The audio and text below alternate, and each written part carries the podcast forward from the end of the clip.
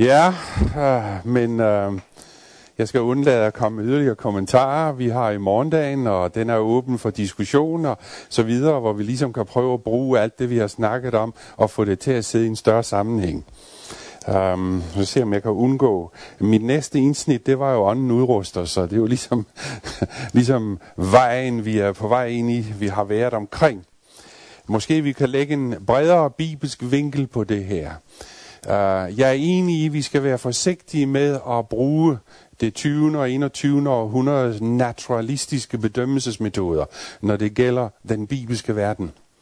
Vi kan meget hurtigt begynde at anvende, skal vi sige, en metodik på Bibelen, som måske ikke holder.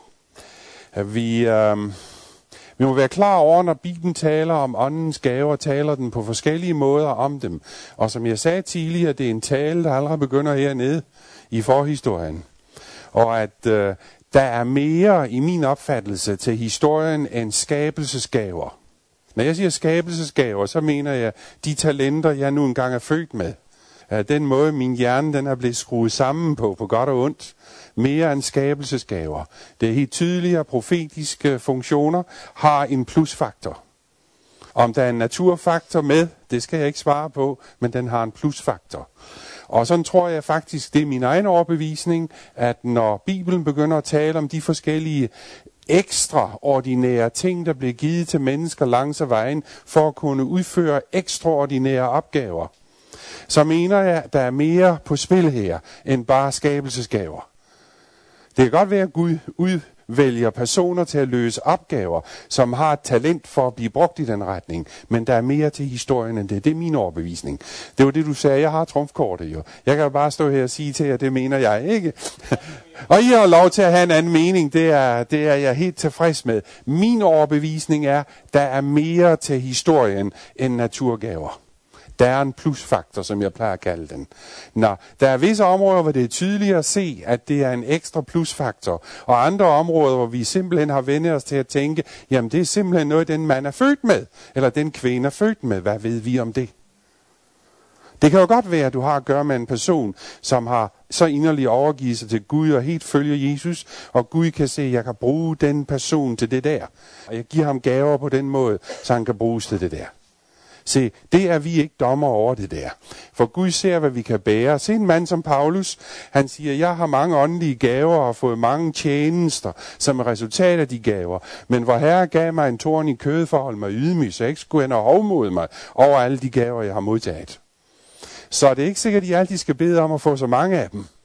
Fordi hvis man bliver pålagt en gave uh, i den her sammenhæng, uh, til at være tjener for evangeliet, jamen, så er det noget, du ikke bare sådan kan løbe fra og sige, jamen, det vil jeg nok ikke det her, selvom vi kan stå imod.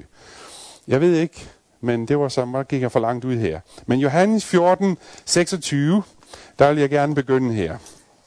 Jesus er selvfølgelig den, der taler om at udruste apostlene til tjeneste. Og det er efter min opfattelse først og fremmest dem, han taler til ved påskemåltidet, og fortæller om, hvad han vil gøre for dem. Jeg mener, de her nervøse fiskere, som skal ud og starte en verdensbevægelse, ikke? Øh, som ved Israels genfødelse her, eller hvor Jesus, Gud vender tilbage til dem, skal til, og, og, og hvad hedder det, samle Israel af alle folkeslag, stammer, tungemål og folk hvis du har været en af dem, der har siddet omkring bordet den aften ved det måltid, og du har forstået, hvad det var, Jesus ville sætte dig til at gøre, jeg mener, så kan det godt være, at du har haft brug for et par trøstord på vejen om, se jer med med alle der, indtil verden kommer. Det er en umulig opgave, det her. Men i vers 26 læser vi noget, hvor han siger til dem, 14.26, men talsmanden Helligånden, som faderen vil sende i mit navn, han skal lære jer alt og minde jer om alt, hvad jeg har sagt til jer. Så han lover dem hjælp. Han lover dem hjælp her. Uh, hvis du går videre i kapitel 16, vers 12-15, han har jo ligesom Paulus sat, jeg har nær sagt kærlighedskapitlet ind i midten af sin tale her. Det kommer vi til senere i aften. 16, 12-15. Hvis jeg nu kan finde det. Jeg er endnu meget at sige jer, men I kan ikke bære det nu. Men når talsmanden kommer, sandhedens ånd, skal han vejlede jer til hele sandheden. For han skal ikke tale af sig selv, men alt hvad han hører, skal han tale, hvad der kommer. De han skal forkynde jer. Han skal herliggøre mig, han skal tage fra mit og kønne det for jer. Alt hvad faderen har er mit, derfor sagde jeg, han skal tage mit og forkynde jer det. Hvad Jesus til synlande lover dem her, det er, han vil udruste dem til den opgave, som de skal ud og udføre. De ved endnu ikke, hvad det er for en udgave, de skal ud og udføre. Han vil udruste den til. Han lover simpelthen, at hvad de endnu ikke forstår, det vil han give dem senere hen ved hjælp af talsmanden. Det er, hvad han fortæller dem her. I faktisk er det et løfte, når du ser tilbage på historien om, at han vil give dem inspiration. Det er faktisk et løfte om her, at han vil åbenbare for dem, han vil give dem det, vi kalder inspiration. Med andre ord, noget talsmanden skal lede jer til hele sandheden. Han siger i samme tekst, jeg har endnu meget, jeg gerne vil sige til jer, men I kan ikke bære det nu. Med andre ord, I har ikke fået hele historien. I har ikke fået hele forklaringen. Der er mere. Men vil jeg være godt mod disciple, senere sender jeg talsmanden til jer, og han skal lære jer alt det, som I endnu ikke har forstået. Og det han også siger, det er, at han skal tage af mit, og så skal han give det til jer. Han skal herliggøre mig, og han skal få dem til at forstå de ord, som Jesus har talt, som de endnu ikke forstår. I er jo godt klar over, at øh, på det her tidspunkt er der faktisk ikke så meget, de forstår. Um, det er et løfte, først og fremmest til apostlene om, at han vil give dem åbenbaring og inspiration. Vi skal selvfølgelig være forsigtige som øh, de mennesker, der, der lever senere hen og sige, jamen så betyder det også, at jeg har fået et løfte om åbenbaring og inspiration. Han taler direkte til apostlene, som nu skal ud og virke for ham. Så det er først og fremmest noget, der henvender sig til dem. Det er for øvrigt også derfor, vi godtager deres skrifter som inspireret og som et udtryk for, skal vi sige, vidnesbyrd om Kristus. Det er egentlig på det grundlag, vi gør det. Jesus har sagt, jeg vil give det til jer. Talsmanden skal tage mit. Han skal give det til jer. Han skal give jer hele historien. Hele pakken. Der er ikke noget, der vil blive jer unddrag. I får det hele. Det er egentlig derfor, vi i dag siger, jamen kære venner, det er derfor, at vi holder fast ved apostlenes lære. Fordi vi er overbevist om, at Jesus gav det hele til dem. Alt, hvad han ville, at de skulle gå ud og lære til verden, det er vi overbevist om, Gud gav til dem, og Jesus gav til dem. Og det, de ikke har forstået endnu, det vil han give dem senere. Så der er egentlig et løfte her om, at det skulle de få, og det er derfor, vi siger, jamen apostlenes, det er den lære, vi holder fast ved. Og vi tager den som et udtryk for, hvad Jesus har lært os. Uh, så når han lærer og taler om at lære dem alt, hvad han har befalet jer, så mener jeg, at det er hele pakken, han taler om. Og derfor holdt Oldkirken jo også, når du læser i Apostlenes Gerning, jeg tror det var kapitel øh, øh 1, det er der du læser, de holdt fast ved bønderne, brødsbrydelsen og hvad mere? Hvad mere holdt de fast ved i Oldkirken? Apostlenes lære, ja. Det er jo det, de holdt fast ved. Og øh, det har han egentlig sagt her, det vil han give dem. Og så fortæller han et andet sted, det er jo det vers, jeg var efter. Jeg har ikke, uh, I skal vente på det, som faderen har lovet. Og som jeg har hørt fra mig, siger han, Johannes døbte med vand, men I skal døbes med heligånden om ikke mange dage. Se, jeg fik ikke referencen her, men det kan være, at den kommer lidt senere. Se, det han taler om her, at om mange dage, om ikke mange dage skal I døbes med heligånden. Så tilføjer han i Apostlenes Gerninger 1, 4-8, for han fortæller forskellige ting om, hvad der skal ske med dem, og hvad der skal udruste dem til deres gerning. Så tager han apostlenes gerning, vi læser det vers 4-8. Derefter opstandelsen siger han, I skal få kraft, når Helligånden kommer over jer, og I skal være mine vidner både i Jerusalem, Judæa og Samaria, lige til jordens ende. Se, på det her tidspunkt specificerer Jesus intet om, hvilken former for gaver de skal få for at løse opgaven. Der er ingen detaljbeskrivelse her. Der er ingen lister her. Når du senere hen kommer til Paulus, det er ham, der giver os tre eller fire lister over diverse åndens gaver, som udruster menigheden til dens diverse former for tjenester. Og de, der går igennem mest, eller som er mest dominerende, det er dem, der har med forståelse og undervisning at gøre, og den slags ting. øh, hvorimod, øh, ikke, hvorimod de er nævnt i alle listerne, hvorimod ikke alle de andre er. Så øh, jeg mener, at det du læser fra Jesu tale den aften til disciplene, det er, hvad de behøver for at løse den opgave, som de nu skal ud og løse, det vil de få. Uden at Jesus her nødvendigvis specificerer, I vil få følgende former for gaver.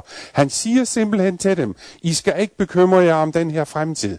Hvad I behøver, skal I få. Hvad der er nødvendigt for i den sammenhæng, I lever, og I driver missioner, I virker, og I vidner, der vil I få lige præcis det, som I har brug for. Det er, hvad han lover til dem. Og det kan betyde, at løftet er åbenendet.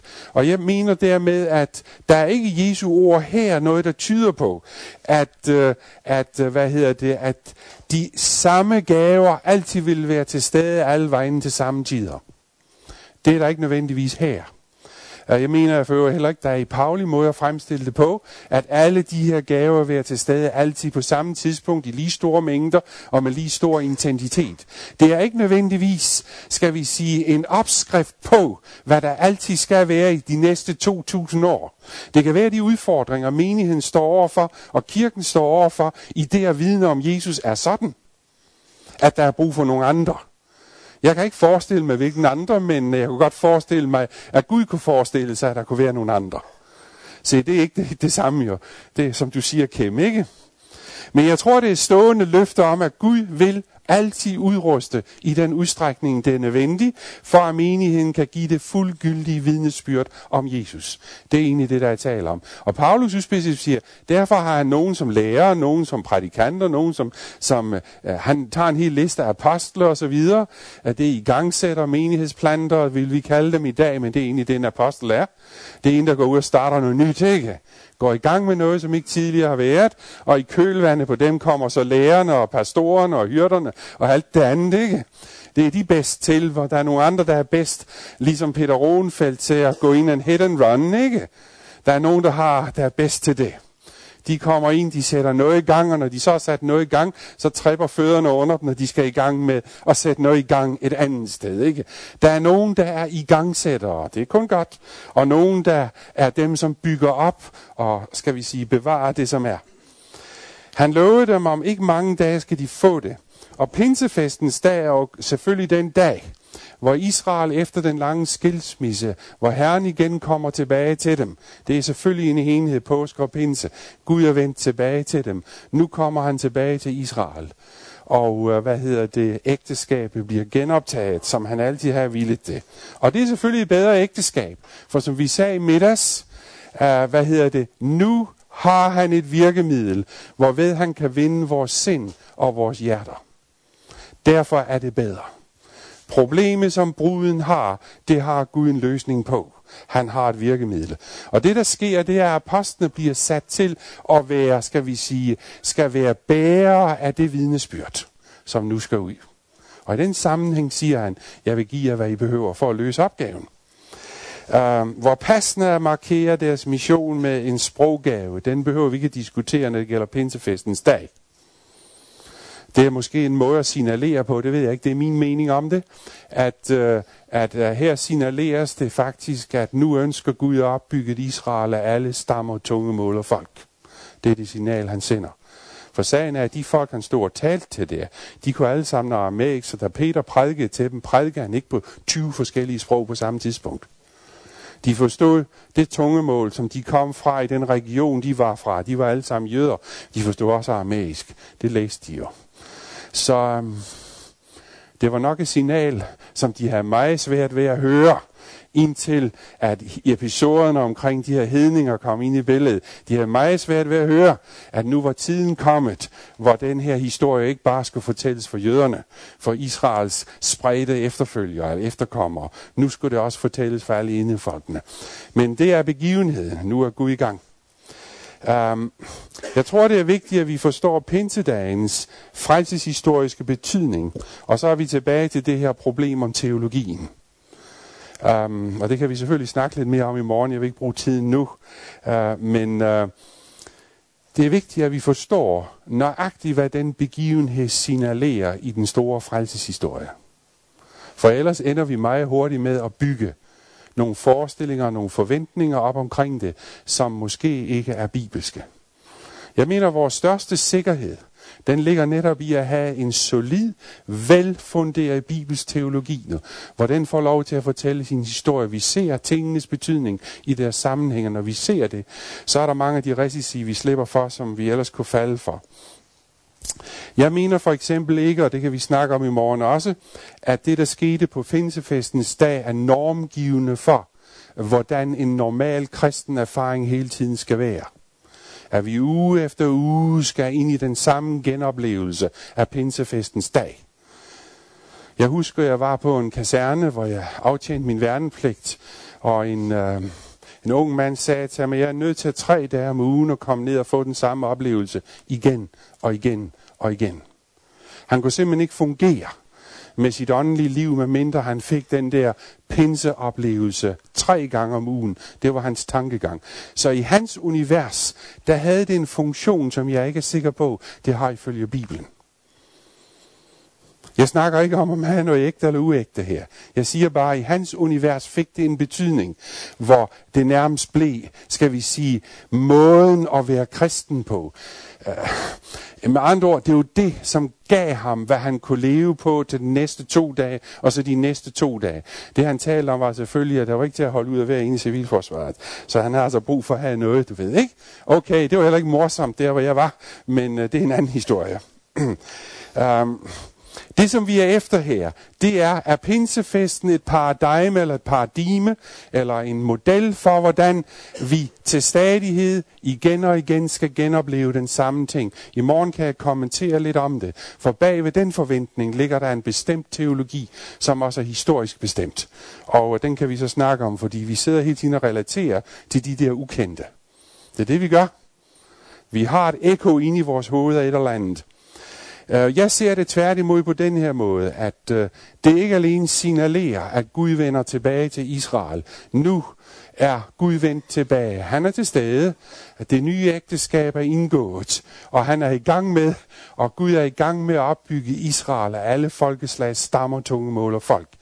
Og med den begyndelse lever vi selvfølgelig med den virkelighed. Vi kan ikke bakke tilbage og sige, at det her ikke er sket. Det er sket. Det er historie nu, og vi lever her et eller andet sted. Gaverne ser jeg mere som ting, som Gud giver os for at kunne udøve vores tjenester. Jeg mener ikke, at gaver gør os mere åndelige. Det har vi sådan set allerede hørt, har vi ikke? De gør os ikke nødvendigvis mere åndelige. Det vil sige, at jeg har ikke nogen særlig, skal vi sige, særlig ekstra status hos Gud, fordi jeg har dem. Uh, tværtimod, um, det er tydeligvis i min forståelse noget, der udruster mennesker til at fylde nogle tjenester i Bibelen. Så spørgsmålet er, hvad er det for en tjeneste, som den udruster os til? Um, Uh, som jeg sagde før, Paulus var udrustet som apostel, men han fik en tårn i kødet for at holde ham ydmyg omkring alle de her ting. En ting til, som du opdager, det er simpelthen fordi, han ikke skulle tænke større tanker om sig selv, end der er nødvendige. Med andre ord, han har en særlig oplevelse af Gud i kraft af de gaver, han har fået, og derfor kunne han begynde at opfatte sig selv som mere privilegeret. Vi kan alle sammen begå de fejl. Jeg mener, at øh, ånden udruster kirken efter behov, og øh, den udruster os for, at vi kan aflægge et fuldgyldigt vidnesbyrd om Jesus. Og her er jeg ved noget, som jeg mener er vigtigt. Hvem er det, vi vidner om? Så vi spørger efter målestreger, hvorved vi kan bedømme de ting, vi har med at gøre. For hvem aflægger vi vidnesbyrd? Um, en af de ting, som du læser her i uh, Jesu, uh, hvad hedder det, charter til hans disciple, det er, at ånden ikke vidner om sig selv.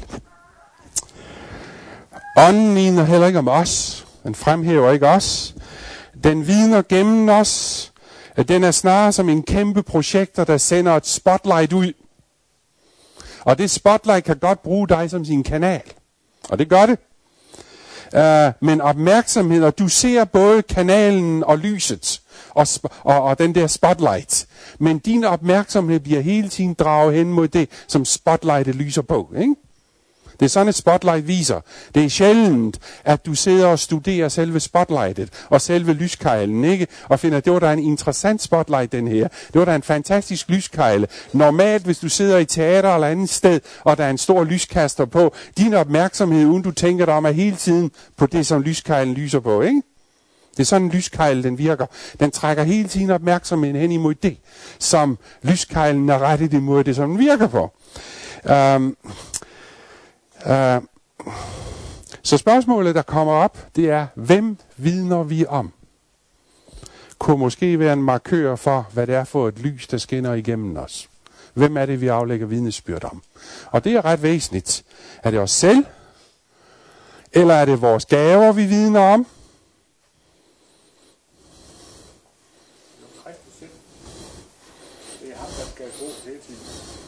Det er meget let at komme til at vidne om sine gaver.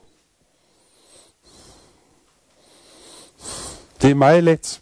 Hvem er det, vi vidner om? Er det os selv? Er det de gaver, vi har fået? Eller er det Kristus? Jeg mener ikke, det er nogen ligegyldige ting, det her. Vi spørger efter målestreger for, hvad det er, vi går og laver. Hvem aflægger vi vidnesbyrd om? Um, Jesu vidnesbyrd, det var det vidnesbyrd, så du kan læse om det i åbenbaringens bog for eksempel, du kan også læse i Johannes evangelierne. Det var det vidnesbyrd, for hvilken Johannes var fangen på øen Patmos, ifølge åbenbaringen kapitel 1. Han sagde, jeg er fange for Jesu vidnesbyrd og Guds ords skyld.